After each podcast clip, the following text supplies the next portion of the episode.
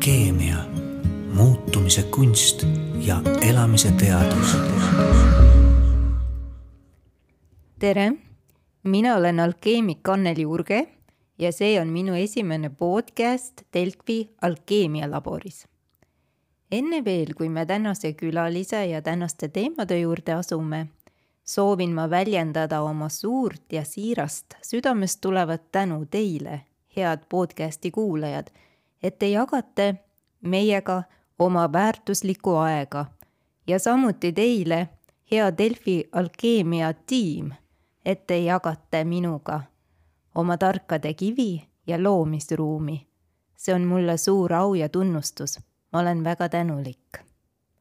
ja isegi, kui meil ei õnnestu järgmise tunni jooksul kõdunenud lepalehtedest sulakulda toota, nagu iidsetele alkeemikutele unistuseks oli siis mina olen siiralt rõõmus iga taipamise seose nii-öelda inside'i eest, mis meil võib tekkida tänast juttu kuulates, millest saame järeldada, miks on asjad meie elus läinud just nii, nagu nad läinud on või miks ei ole läinud teisiti.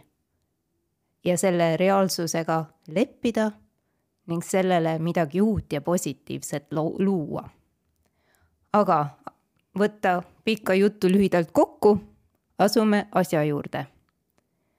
täna soovin ma rääkida vaimsest tervisest ja olen palunud siia tunnustatud ja tuntud suurte kogemustega psühholoogi, koolitaja, holistilise regressiooni terapeudi ja armastatud õppejõu Heili Laido. tere tulemast, Heili! tere, Anneli! No nagu igas ähm, õiges teraapiaseansis, nii ka mina küsin sinult, kuidas sa ennast tunned, Heili, täna? eks ma tunnen põnevalt, ega mitte ainult sinul ei ole see esimene podcast Delfis, vaid ka minul. no siis me mõnes mõttes oleme ühe ree peal ja, ja. aga räägime muutumisest, sest alkeemia ju ongi üks muutumise kunst. ja meie sinuga elame maailmas, mis on tohutult kiirete muutuste keerises igapäevaselt. kui me kuulame poliitikuid, siis oleme praegu oma eluga igakülgselt kriisis. meil on tervisekriis, Covid-19 levib enneolematu kiirusega, energiakriis, igaüks on saanud praeguseks kätte juba oma kosmilise elektri- või gaasiarve, mis paneb õhku ahmima, ja julgeolekukriis kui kuulata uudiseid Vene vägede koondumisest Ukraina piiri äärde, siis see ilmselgelt tekitab muret ja kõhedust. kuidas sulle tundub, kuidas inimesel on võimalik üldse sellises negatiivses infolaviinis oma sisemist tasakaalu säilitada? no sa küsid kohe nii globaalsete teemade puhul, et tõepoolest no mida mina oskan öelda selle kohta, ma ei tea poliitikat. ja, ja äh, ma saan enda seisukohast öelda seda, et minu meelest poliitikas on väga peened mängud, mida meie ei saa hoomata. ja Eesti ise ju poliitikat eriti ei saa teha ja ta allub väga palju just lääne mõjudele seega, et see osa, mis meie panustada saame kuskile suurde, et ma ei, vist olen natukene pessimistlik.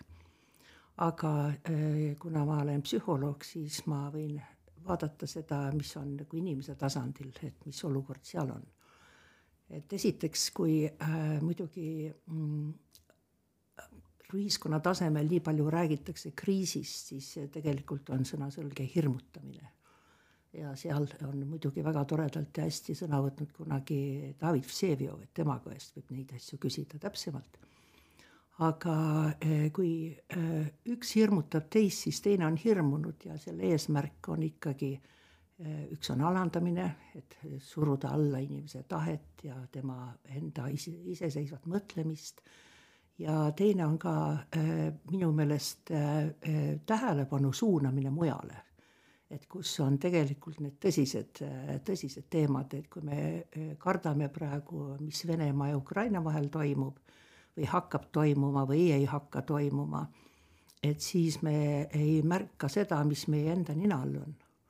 ja, ja noh, nii, nii, nii see, nii see tavaliselt on, et need taktikad on väga peened ja need on niikaua, kui mina mäletan, kogu aeg olnud, et mingisugune üks tähelepanu äh, kütetakse, tõstetakse üles üks objekt äh, ja, ja siis me peame sellega tegelema ja ei märka muud. ja äh, sa nimetasid, ma olen holistiline regressiooniterapeut, jah, meil on selline äh, noh, kuidas öelda, moto või, või teadmine või, või mida me järgime, on see, et, et sinna, kui, kuhu läheb tähelepanu, sinna läheb energia. ja kui meie pöörame tähelepanu nendele kriisidele, siis me aitame seda kriisi suurendada no kuuldavasti on Eesti inimeste vaimne tervis ka omadega niivõrd kriisi jõudnud, et psühhiaatrite vastuvõttudele peaaegu ei ole enam vabu kohti, inimesed ei saagi abi. ja teatavasti töötab Eestis ka ainult kakssada kliinilist psühholoogi, kel-, kellel on litsents. ja nende juurde ka inimesed ei mahu ära, et järgmise aja võib saada kas või nelja kuu pärast et mis äh, on sinu soovitus nendele inimestele, kes äh, on jäänud ukse taha oi, oi? oi-oi-oi, jah, muidugi, kui riik hirmutab, ühiskond hirmutab ja me üksteist ise hirmutame, kütame üles, siis meie vaimne tervis kannatab loomulikult selle all. ja kui me vaimne tervis ei ole, no kuidas öelda, ei ole terve et siis äh, loomulikult on vaja abi selle jaoks, tervendada. Äh, psühhiaatrite järjekorrad on pikad, psühholoogide järjekorrad on pikad, aga samas on meil väga palju väga erinevaid äh, teisi võimalusi, on kursused, koolitused, raamatud, see, mis toimub nii-öelda teisest küljest vaimse maailma arengus, on väga kolossaalne on praegu ka tänu Zoomile äh, avatud informatsioon kogu äh, maailmas. Võib äh, osaleda summitis ja, ja rahvusvahelisi informatsiooni, neid tarku, tarku tegelasi kuulata, et sealt leevendust saada, et eks me igaüks otsime midagi leevendust selleks, et, et aga, aga ütleme nii, et ma siiralt loodan, et see kriis Äh, kriis on ju selleks, et ta lööb tegelikult elu sassi. ja, ja igal kriisil äh, peaks olema ka niisugune noh, tulemus ja eeldatavasti ma loodan väga, et see on positiivne, et inimesed hakkavad rohkem tähelepanu pöörama enda, enda äh, ter-, vaimsele tervisele. aga sa tahtsid küsida midagi? Ma juhin tähelepanu, et ähm, Heili on, esindab nii mõlemat poolt, nii sellist siis äh, teaduspõhist psühholoogiat, olles ülikooliharidusega psühholoog, kui ka on tema kutsetunnistusele kirjutatud holistilise regressiooni terapeut ehk siis holistilise meditsiini, täiendmeditsiini esindaja. Et äh, kas need on ühe mündi kaks külge või moodustavad nad ühe terviku kuidas sulle tundub, kas üks välistab teist või mida inimesele soovitada, kui ta ei orienteeru nendest mõistetes? no minu meelest nad on ikkagi, ma näen iga asju ikkagi tervikuna, et, et ükskõik, mida sa õpid, võib täiendada ja, ja minu, minu, minu ülikooliharidust on täiendanud väga paljud erinevad lisakursused ja, ja lisakoolitused ja ma ei ütleks, et midagi on mööda külge maha jooksnud aga, aga just sedama terviklik lähenemine, mis holistiline tähendabki terviklikku, et selles suhtes ma arvan jah, et et see on aidanud, et, et ei ole midagi siin välistada. Ei, ei pea võitlema. vot siin see, see sõnavõitlus või et noh, et, et kas on nüüd teaduspõhine või, või mitteteaduspõhine, et siis et see just tekitab neilist võitlust, aga, aga vahetevahel on parem see eluterve suhtumine, kõik on üks see on väga hea suhtumine, minu arust ähm, kui vaadata ja kuulata neid uudiseid, mis ütleme ametlikest kanalitest tulevad, siis justkui seda teaduspõhist meditsiini, nii ka teaduspõhist psühholoogiat kuidagi eelistatakse sellele holistilisele, et see on nagu riiklik tellimus, et, et inimesed äh, peaksid justkui ainult sealt abi paluma. Aga kui neid äh, kohti seal ei jätku kõigile, siis tekib vägisi küsimus, et mis nüüd edasi, et riik ühest küljest suunab meid sinna, aga teisest küljest äh, ei ole piisavalt. ja siis kerkibki esile, ütleme sellele täiendmeditsiin ja küsimus on, et kas inimesed saavad abi oma probleemidele holistilisest regressiooniteraapiast või mõnest muust äh, nii-öelda holistilisest äh, teraapiast mm. -hmm.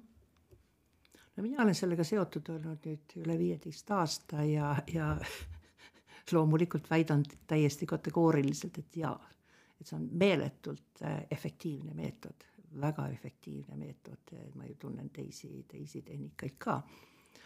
aga mis puutub sellesse, et, et kuhu suunata, mitte suunata, eks siin ole ka see aja küsimus sellepärast et kõik need täiend- ja alternatiivmeditsiini valdkonnad või ka psühholoogia valdkonnad on suhteliselt uued ja, ja välja kujunemata veel tegelikult niisugune õige struktuur ja, ja ka muide õige sõnavara ja, ja palju seda võib noh, nagu öeldakse, et šarlatanid ja, ja mis, mis iganes neid sõnu kasutatakse, eks ole.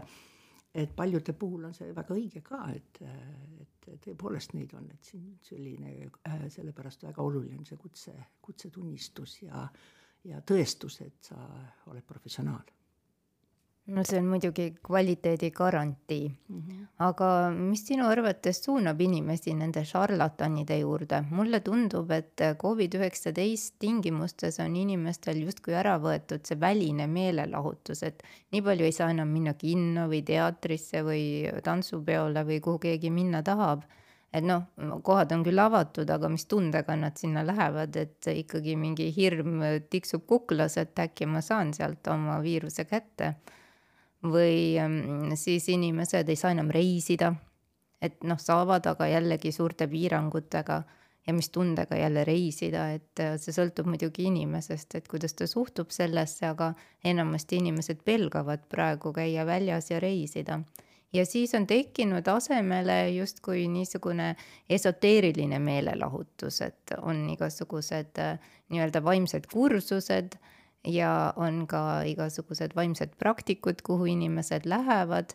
Ja tihti oodatakse, et ennustatakse inimesele tulevikku seal, et see oleks nagu hea vaadata sellest siis hirmude labürindist välja, kuidas see helge tulevik paistab, et kuidas sina suhtud, miks inimesed tahavad, et neile tulevikku ennustatakse? no siin on hästi oluline teema see, et äh, me ei ole harjunud, meid ei ole õpetatud võtma enda eest vastutust ja me tahame, et keegi teine ütleb, mis me peaksime tegema.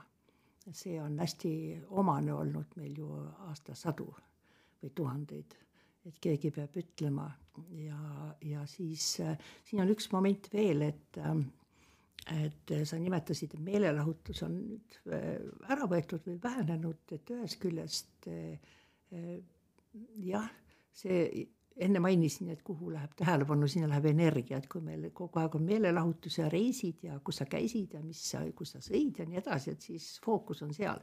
et praegu ju väga paljud räägivad, et on viimane või hea aeg ju fookus endale panna ja enda suhetele.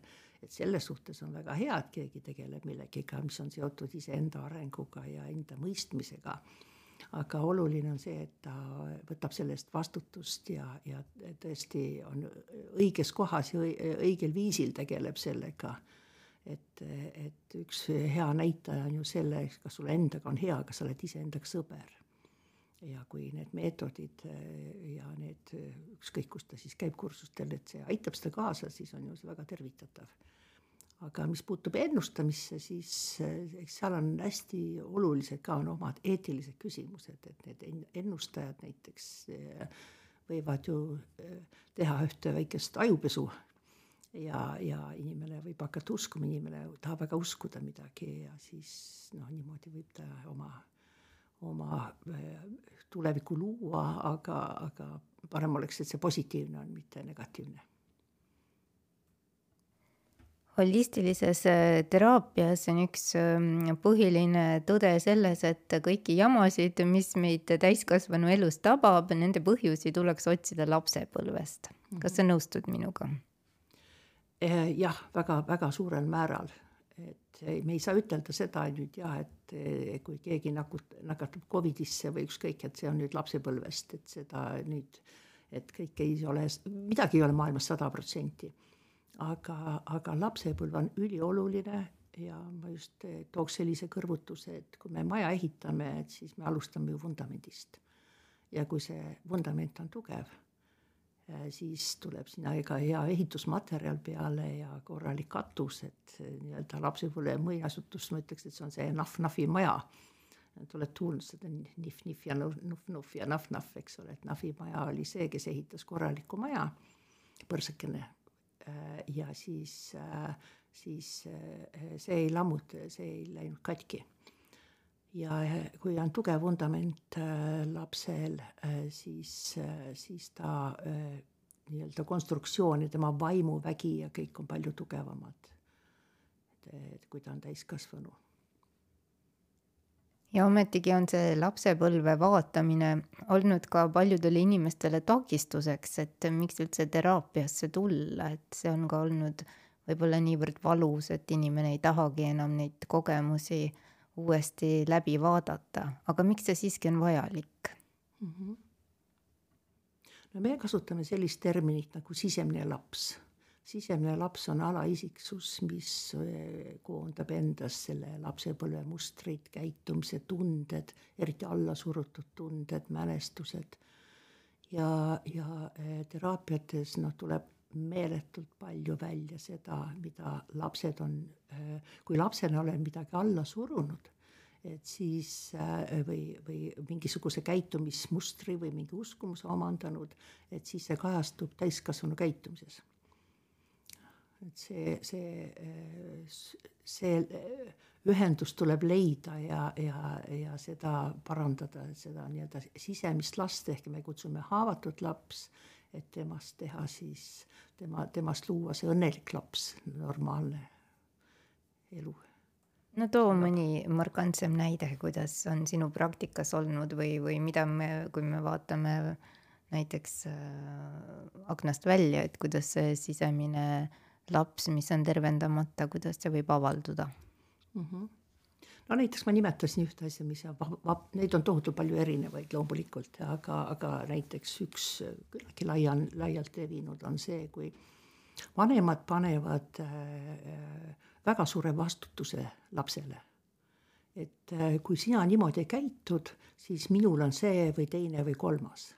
näiteks, et, et, et sinu pärast mul pea valutab ja väike laps võtab selle omaks, et, et minu tujust sõltub see, et mina pean äh,, minu tujust sõltub see, kas ema pea valutab või mitte. kui selle inimese käest näiteks täiskasvanuna, kui see inimene täiskasvanu tuleb mulle kliendiks, siis küsida, et no, et kellele sa oma muresid räägid näiteks, kas sul on kedagi, kellega jagada oma muresid? ei ole, noh, kas sa emale räägid? ei, kunagi ei räägi, et miks?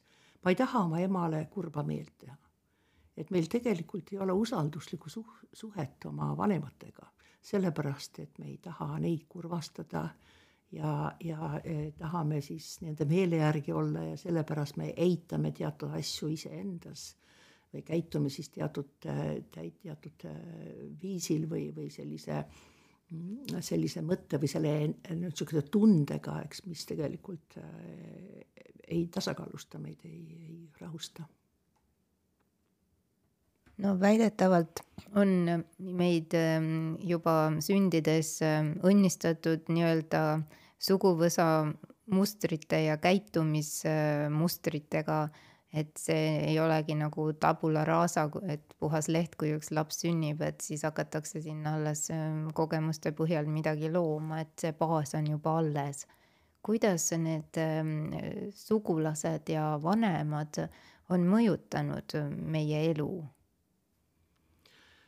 väga palju ja väga erineval viisil. See, see nii-öelda nii füüsilisel tasemel kui ka vaimsel tasemel ja sa nimetasid enne teadus, eks ole, et ja teadus ju ka praegu areneb väga palju ja meie ka oleme väga nõus sellega ja võtame omaks neid teadmisi, mis avastavad näiteks rakubioloogid. ja üks tegelane, kelle, üks rakubioloog on Kandelsberg, kelle raamat on ka eesti keeles ilmunud, tema avastas sellised asjad nagu emotsioonimolekulid et kui lühidalt väga see, lühidalt ütelda, siis on nii, et, et äh, meie emotsioonid äh, ja äh, meie biokeemiline koosseis on ju seotud. ja kui me oleme muremõtetes, siis on meie keha nii-öelda emotsioonimolekulid, sellised muremolekulid ja nii edasi, aga need ju lähevad ju kõikidesse rakkudesse.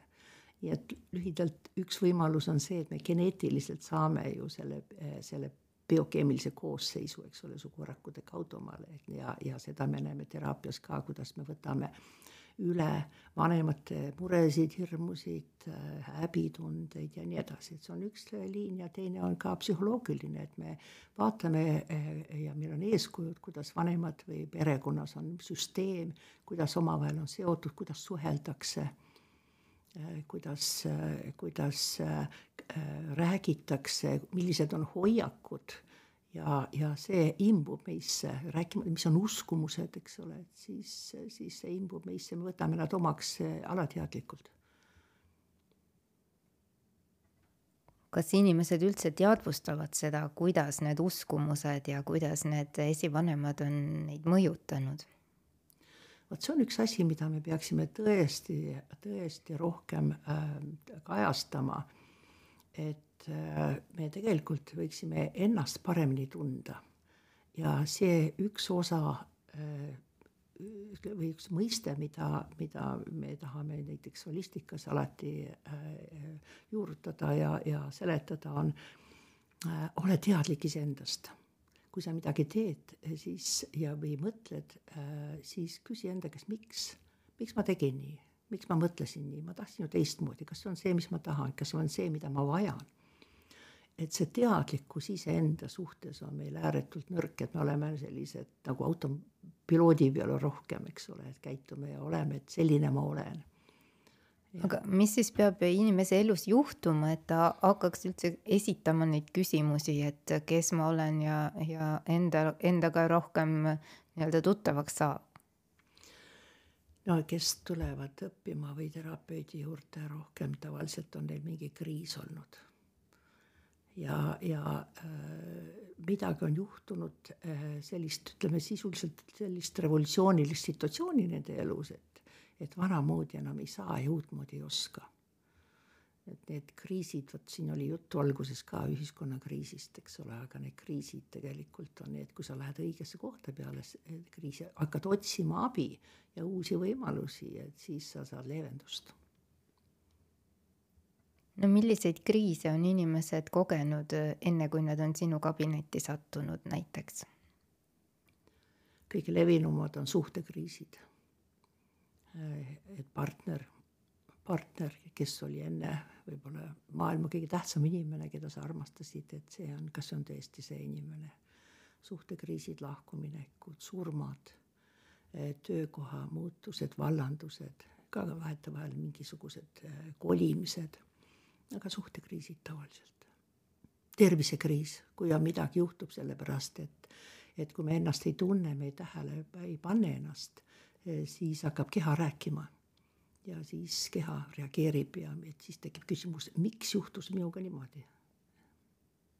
No suurem osa inimesi, ma arvan, lähevad siiski oma perearsti juurde ja nõuavad, et, et seal tegeldakse siis nende selle sümptomiga või siis saadetakse neid eriarsti juurde, kuhu jällegi teadaolevalt on väga pikad järjekorrad ja Covidi tingimustes võib-olla üldsegi ei saa nii pealöögile et kas äh, sinu hinnangul võiksid inimesed siis pigem tulla holistilisse regressiooniteraapiasse ja vaadata sellele sümptomile siis nii-öelda otsa oma vaimusilmas, et aru saada, kust see tuleb või?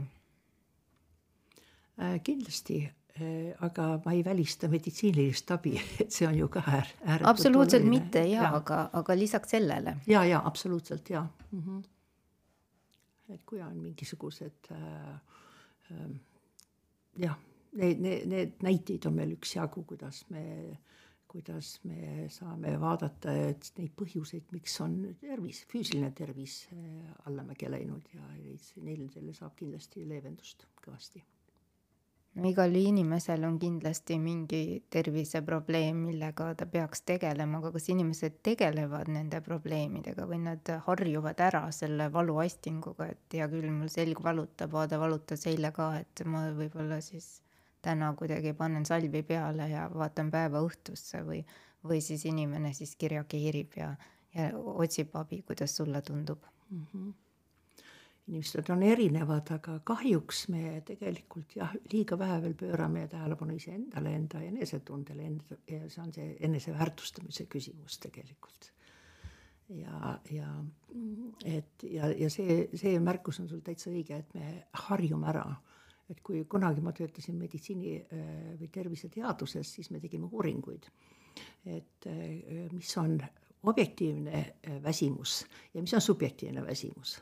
Ja siis väga huvitav näitaja oli see, et, et inimesed arvasid, nad ei ole eriti väsinud, aga nende kehalised näitajad olid see, et ta tegelikult vajaks puhkust ja ta on tegelikult palju rohkem väsinud, kui ta ise arvas, et me oleme harjunud rohkem äh, elama niimoodi, noh, et ah, käib kah ja annab ikka elada ja, ja küll saame hakkama ja vot selliste mõtetega, aga, aga miks peab niimoodi olema, kui võib paremini meid on ju nii õpetatud, et äh, mina pole tähtis, et ligemine on, ligemine on tähtis, et on vaja, et kõigil teistel meie ümber oleks hea, et see, mhm. kuidas mina ennast täna tunnen, et see on minu enda asi ja see läheb kellelegi korda. ja, et kaitse riiki, aga mitte iseennast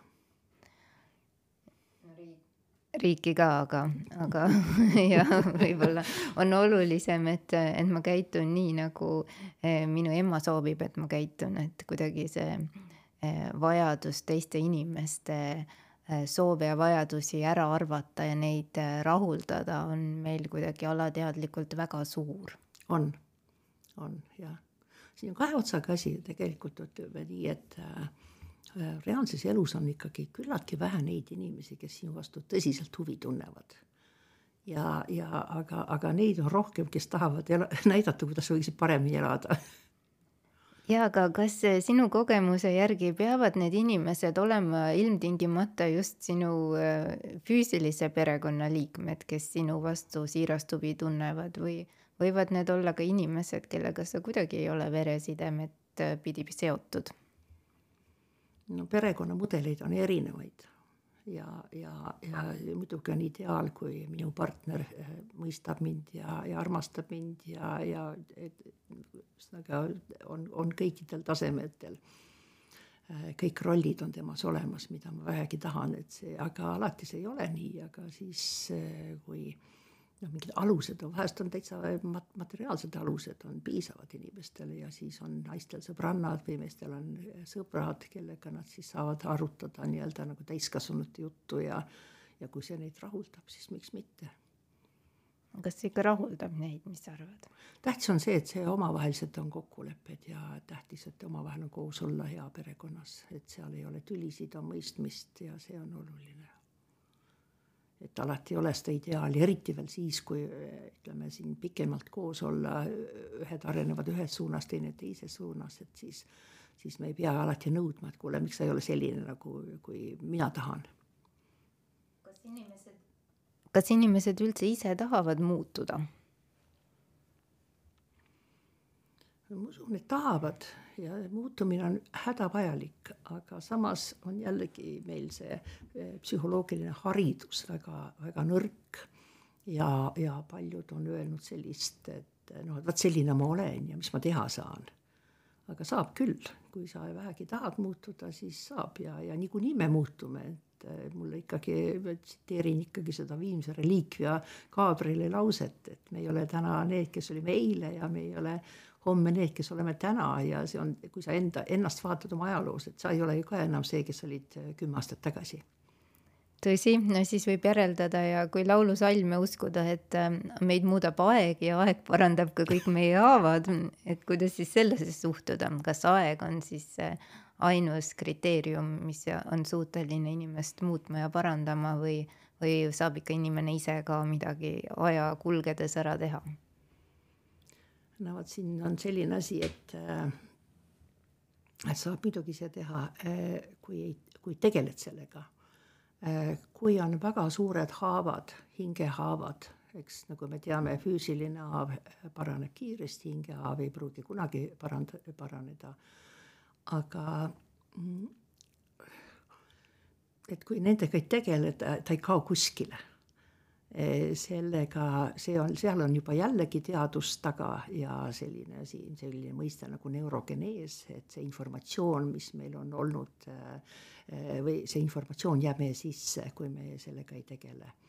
Aga äh, see leevendus on see, et kui on mingi hingetrauma olnud kunagi, siis see leevendus, see aeg parandab haavat, et see leevendus on see, et, et lihtsalt me ei tegele sellega ju tähelepanu mujal, aga ta lööb äh, niikuinii kuskil välja mingisuguses hetkes või mingisuguses situatsioonis, kas kehaliselt või, või, või vaimselt no paljud inimesed otsivad leevendust medikamentide juurest, et äh, võetakse tänapäeval ilmselt väga palju antidepressante ja rahusteid, et kuidagi toime tulla siis äh, selle valuga.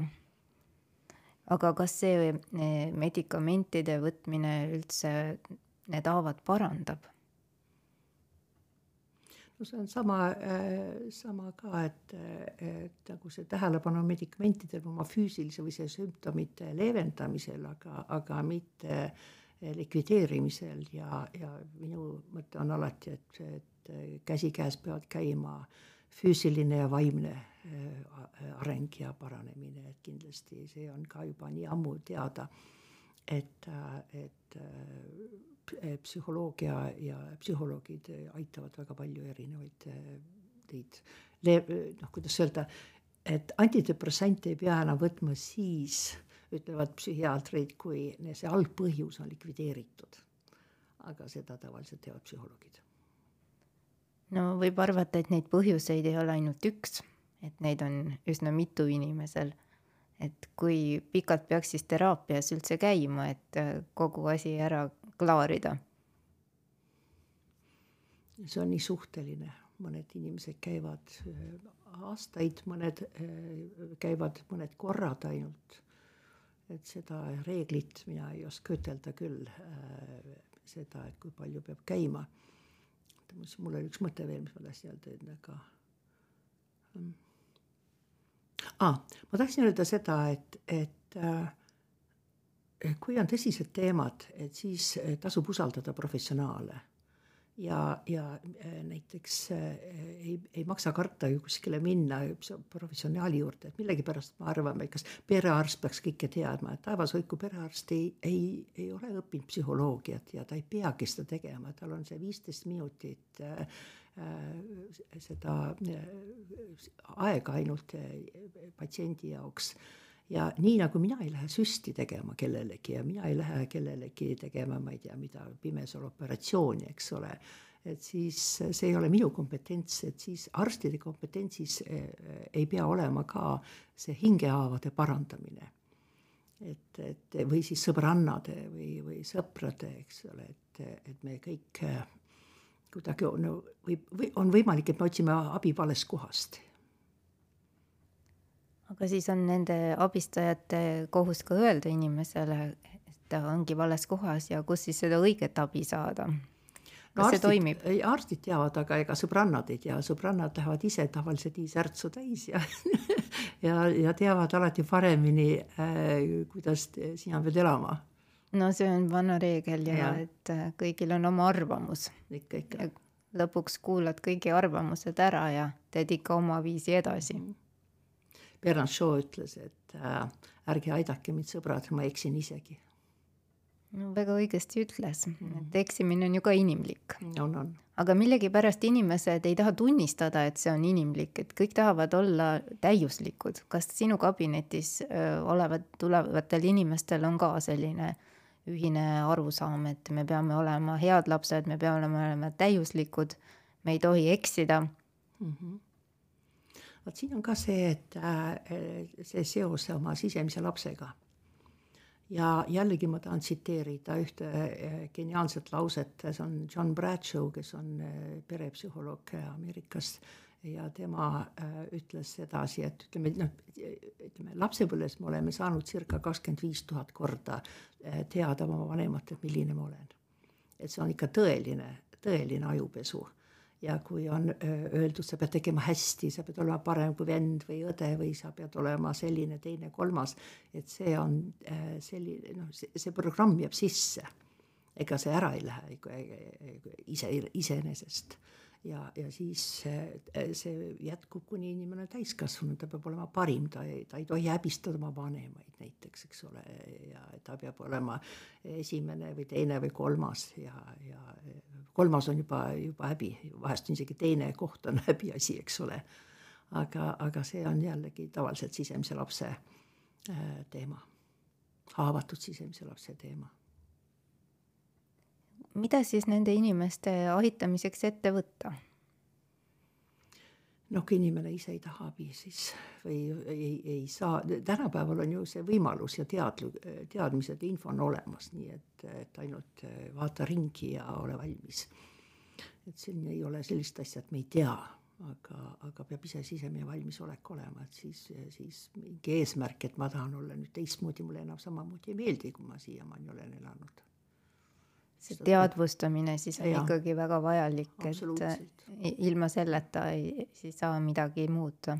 tohutult vajalik. ma vaatasin siin äh, televisioonis näitas selle Norra massivõrvari kohtuprotsessi, kus ta ütles, et jaa, ma tegin see, neid tegusid sellepärast, et ma olin ajupestud, aga nüüd ma mõtlen oma peaga, nüüd ma enam nii ei tee et äh, sinu jutust järeldades see, see ei ole päris võimalik, et keegi, kes on ajupestud, laps, kellele vanem on öelnud kakskümmend viis tuhat korda, kuidas peab, et ta ühel hetkel hakkaks siis tegema nii, nagu ta ise otsustab mm. -hmm aga tema puhul ma tahaks ikkagi ütelda seda ka, mis mind segab, et talle nii palju tähelepanu pööratakse ja vaata, see on ajakirjanduse teema ja, ja võib-olla poliitika teema, et, et see inimene on äh, teinud midagi nii kohutavat.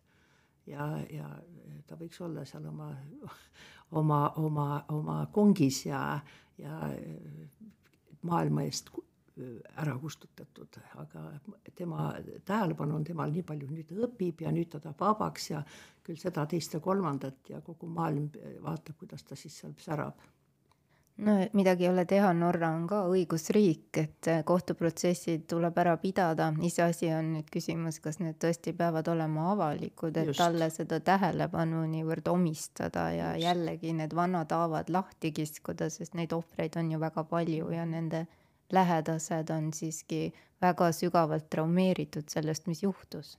jah, nendest ei tea keegi, aga meie kütame oma tähelepanu kui tema edevust nii see kahjuks on, aga jällegi demokraatia, me ei saa nagu õigusriigi printsiipidest üle ega ümber, et mis mõnes mõttes on jälle hea, et igalühel no, on ka õigus kaitsele ja igalühel on ka õigus paraneda ja terveneda, kui ta seda ise soovib muidugi. no sina oled südamlikum inimene kui mina mul on lihtsalt see teine haridus, see õigusharidus räägib minust praegu, advokaat, kes ja. peab kaitsma tegelikult ka inimesi, kes äh, mõne inimese arust ei väärigi kaitset, aga igalühel siiski on õigus õiglasele kohtupidamisele, see, seda ma usun mm. -hmm. aga räägime nüüd veel holistilisest regressiooniteraapiast. milline on siis see meetod, mida seal kasutatakse mm? -hmm no sõna regressioon äh, ei ole siin mitte taandareng, vaid tagasiminek. Nii ja, ja, ja see tähendab seda, et tegelikult ütleme lühidalt on see, et me mm, otsime äh, koos kliendiga tema äh, käitumise, tema mõtlemise, tema uskumustega, kõiki neid ja tema, tema eluga seoseid, mis, mis võivad olla seotud äh, tema minevikuga ja, ja, ja seda siis äh, saab muuta. Äh, me peame äh, olema kursis, üks väga hea, väga hea jällegi üks lähenemine on see, et me peame teadma oma minevikku, et seda olevikus elada ja tulevikku kujundada. ja see minevikus me saame, me ei saa fakte muuta, aga me saame muuta oma suhtumist. ja kui me teatud asju mõistame teistmoodi, kui oleme siiamaani mõistnud, et see on tohutult vabastav ja, ja siis see aitab kaasa inimese väärtustamisele ja tema elu kvaliteedi parandamisele no kuidas toimub üks holistilise regressiooniteraapia seanss? palun kirjelda, et siis äh, meie kuulajad saavad ka rohkem aimu, et võib-olla ei ole piisavalt seda valdkonda veel äh, niimoodi äh, tutvustatud mm. -hmm no kõige klassikalisem, me, me kasutame erinevaid meetodeid äh, palju, äh, aga kõige klassikalisem meetod on see, kus inimene äh, vestleb terapeudiga, aga siis teine osa sellest seansist on, kus ta on eeldatavasti pikali ja siis väga lõdvestunud seisundis, terapeut viib ta lõdvestunud seisundisse ja suunab oma küsimustega teda minevikku et leida seoseid eh, kusjuures siis tulevad, noh, me, info on kõik sees.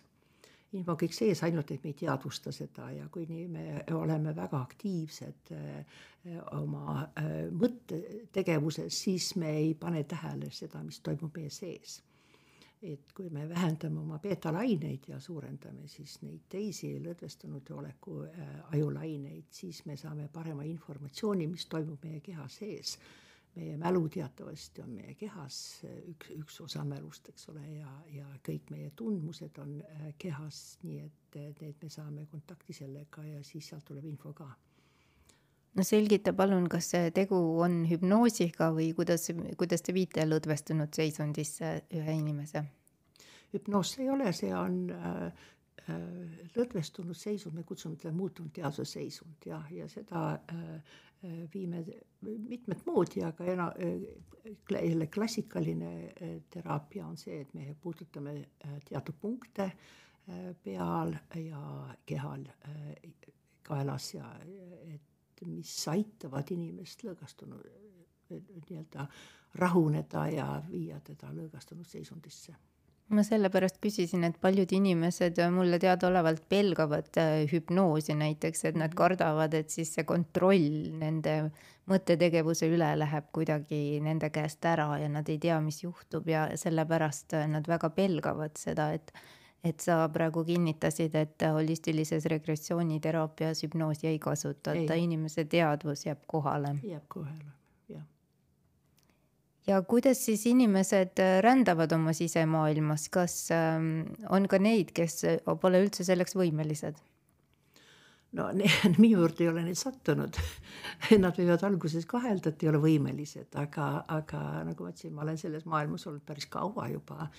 Ja, ja inimeste oskus oma sisemaailma ja oma tunnetusse äh, tähele, tunnetust tabada on palju rohkem äh, suurenenud ja see on lihtsalt ime lausa, vot see on ime, et äh, kui võib-olla, võib-olla kümme-viisteist aastat tagasi oli äh, inimesi, kes pelgasid palju rohkem seda või et kas nad ei saavad või oli rohkem mõistuses, eks ole, nagu öeldakse, me kutsume peas inimesed, siis tänapäeval ka äh, täitsa täitsa väliselt peas inimesed, kui panevad silmad kinni ja lähevad seansile, on nagu, nagu kulda tuleb sealt ja sellised niisugused toredad elamused on neil ka, et nad, selline eduelamus on sisemaailmast, et see on nii tore vaadata ja tunnetada ega.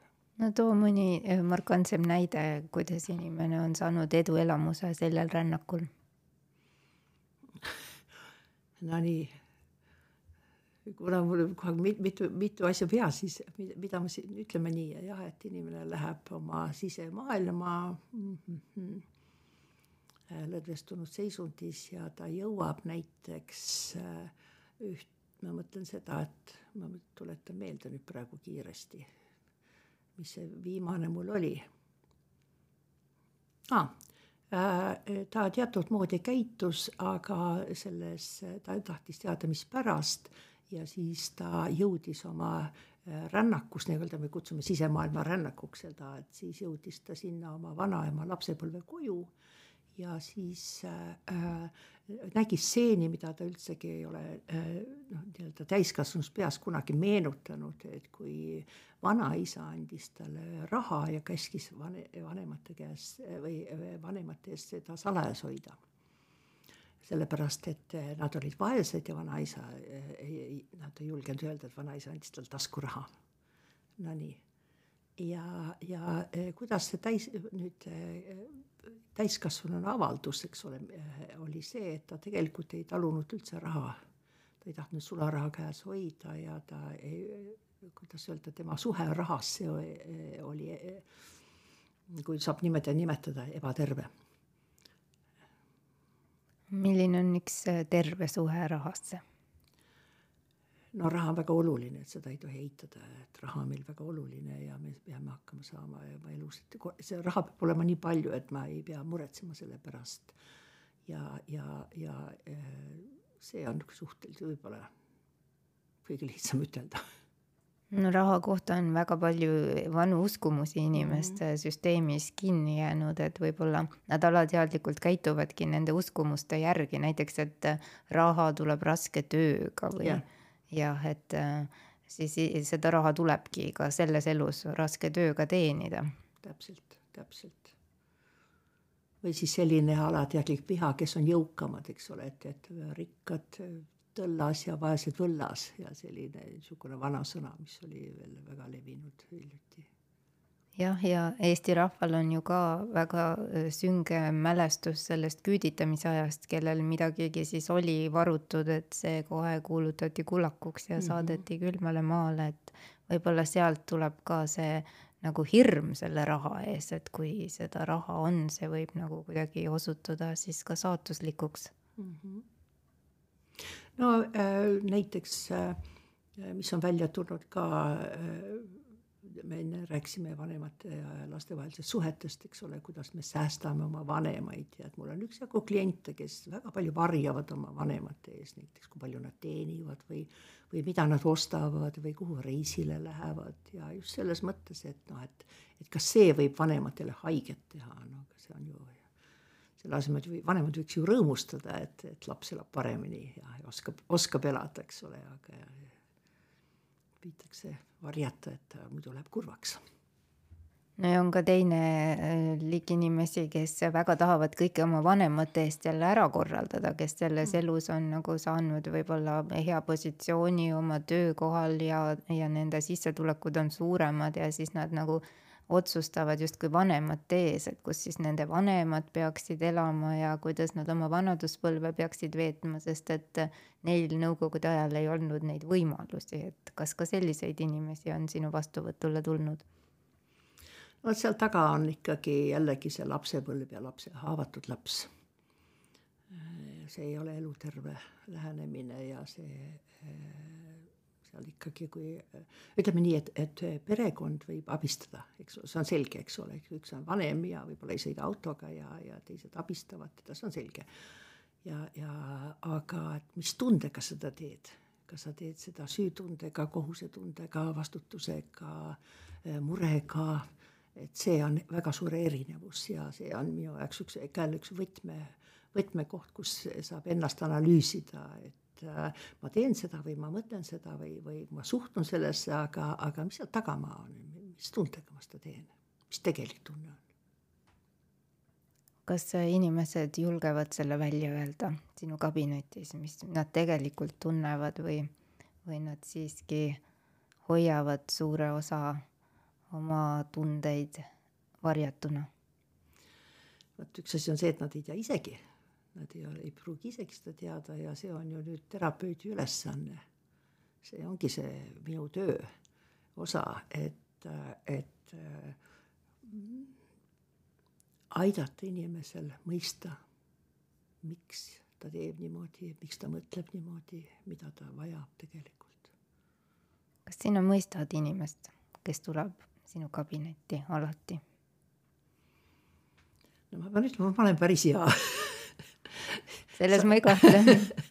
Ja, ma olen päris hea ja ma olen, mul on kogemused ja, ja, ja aga, aga ma ei taha olla ülbe, et ma ei saa ütelda kunagi, et ma mõistan sada protsenti, ma ei mõista iseennastki sada protsenti, on selge muidugi. aga jah, ma inimestega väga ette ei jää, jah räägime siis terapeudi rollist ja terapeudi omadustest, et milline on üks hea terapeut, kes kõik need seosed ja, ja vanad haavad siis äh, aitab inimesel nähtavaks tuua mm. -hmm.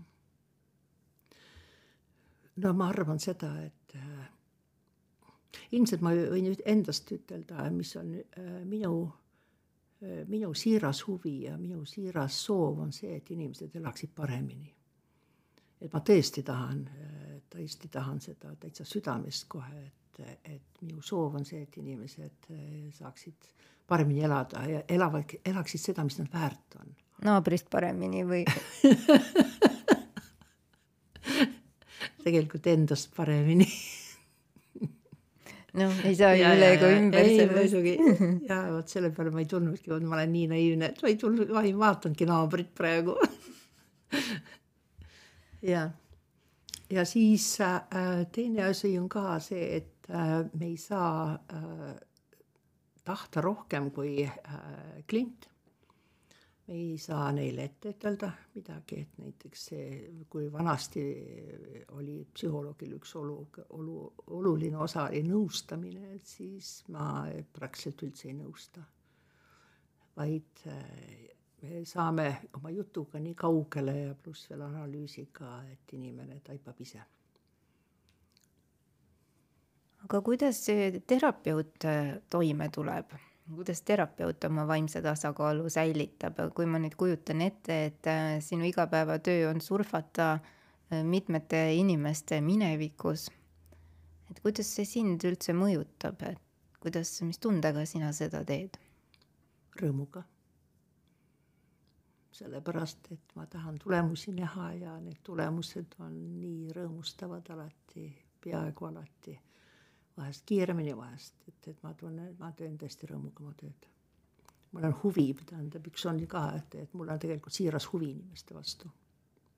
no ainult nii seda tööd vist saabki teha, sest et kui see on üks tüütu kohustus, siis ei tule ilmselt ka inimese aitamisest kuigi palju midagi välja mm. -hmm. aga sa ei saa ju ometigi väita, et see on kerge töö. Raske ka ei ole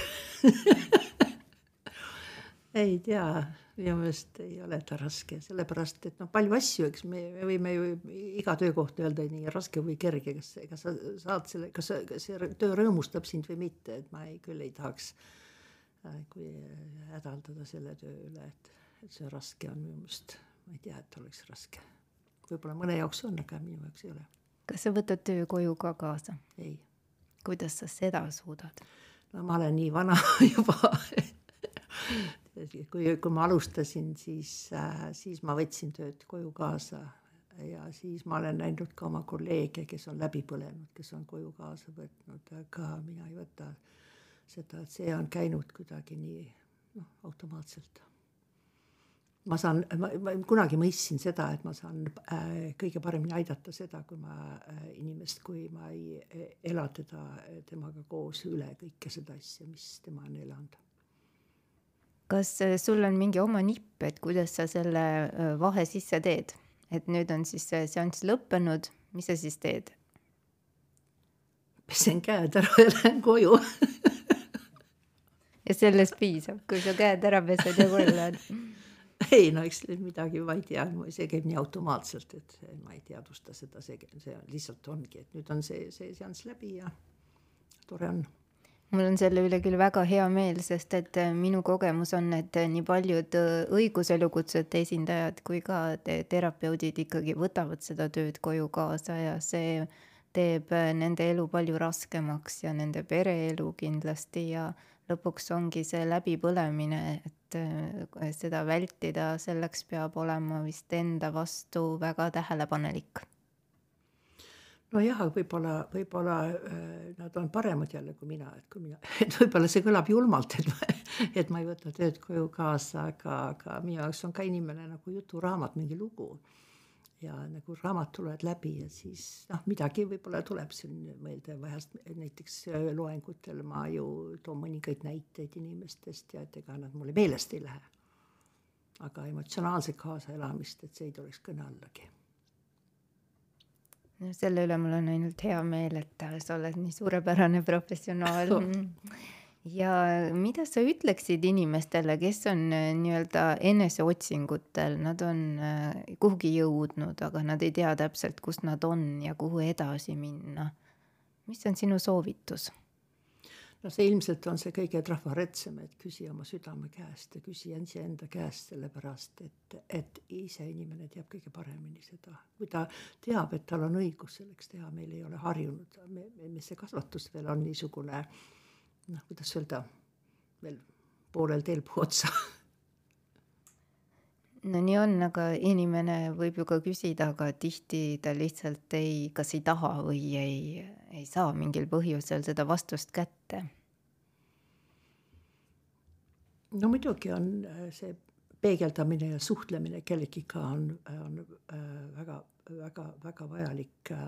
sellepärast, et kui me üksi kerin endas ja veel, veel ei ole veel väga pro-, noh, oskuslik selles, eks ole, siis me läheme ummikusse et siis on see, see mõte hakkab keerlema peas nagu orav rattas ja, ja siis ei jõua ka, et niisugust nagu värsket verd või pane kirja midagi ja, ja, ja, ja neid tehnikaid on väga palju. et ega see üks asi on kirjutada, teha üks tabel, mida sa vajad, mida sa ei vaja, mis on sinu soovid, see on nagu mingi kasvõi eh, lähed midagi suuremat ostma, autot või, või poodi lähed, eks ikkagi, ikkagi paned kirja, mis sa tahad. mis sa tahad poest ei lähe niisama, et vaatame, mis, mis seal on ja siis tagurpidi tagasi või, või näiteks kui tahad endale elamist, et mis on su vajadused selleks no tihti ongi, ühed on soovid ja teised on vajadused ja inimesed võib-olla ei oskagi nende vahel vahet teha. et mis siin see soovitus võiks olla?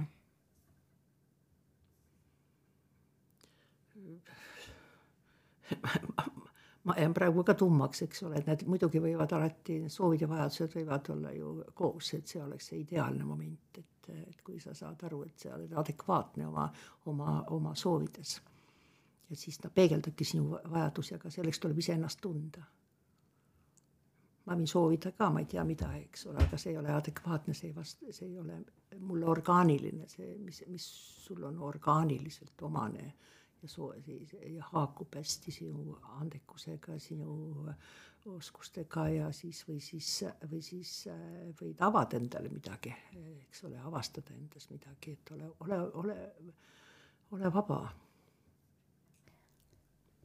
kuidas sulle tundub, kuidas see vaimne maailm on arenenud, mulle tundub, et viimasel ajal ta on nagu väga kiiresti arenenud, et kui lugeda üht või teist kirjandust või kuulata podcast'e või, või mis iganes äh, materjali, siis tuleb kogu aeg uusi avastusi mm. -hmm. kuidas sellega kursis olla?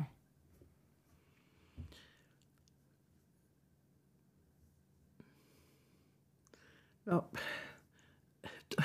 ma arvan, et seda infot on niivõrd palju, et tuleb lihtsalt leida see õige, mis on, et meil on praegu ju äh, see valik on väga suur, et siin see moment, mida ma tahaks ka rõhutada, on muidugi see, et et, et inimesed nii-öelda ka igapäevaeluses, elus saaksid rohkem teadvustada, et neil on õigus valida.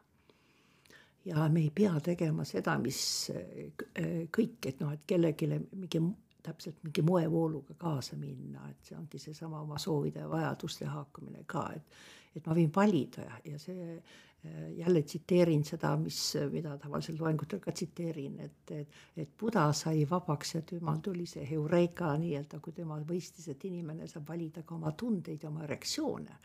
et kuidas ta, kus ta, kuidas ta millelegi reageerib ja, ja et me saame valida seda, et mida ma kuulan, mis infot ma endale sisse kallan. et see, see on see, et kas ma kuulan neid podcast'e või vaatan mingit äh, Tiktoki või, või loen, loen seda või mis saateid ma vaatan, eks ole, et me, me seda saame valida ja vältida see infomüra. et tegelikult jah, aega on inimestel palju et see jutt, et aega ei ole, see on peas. aga kui sa teed õigeid valikuid, siis on, siis on aega ka nende jaoks. ma olen sinuga, ma olen sinuga väga nõus, et me oleme jõudnud ajajärku, kus tegelikult üks suuremaid õnnesid üldse on valikuvabadus mm. -hmm. meil on see õnn ja mina soovin sulle nüüd ja edaspidi tarku valikuid ja et kõik sinu teraapiad hästi õnnestuksid ja tänan sind väga selle toreda äh, arutluse eest. ja inimestele, kes meid täna kuulavad, soovin ma öelda, et Heiliga saab kontakti võtta Holistika Instituudi kodulehe kaudu holistika.ee ja tema kabinet on teile avatud. aitäh sulle, Heili! Aitäh sulle ja ma siis üritan sinu soove järgida mm. -hmm. aitäh. aitäh. alkeemia, muutumise kunst ja elamise teadus. alkeemia taskuhääling toob teieni huvitavat ja harivat keha, hinge ja meele vallast. Kuula ja loe alkeemia.ee, leia meid ka Facebookist ja Instagramist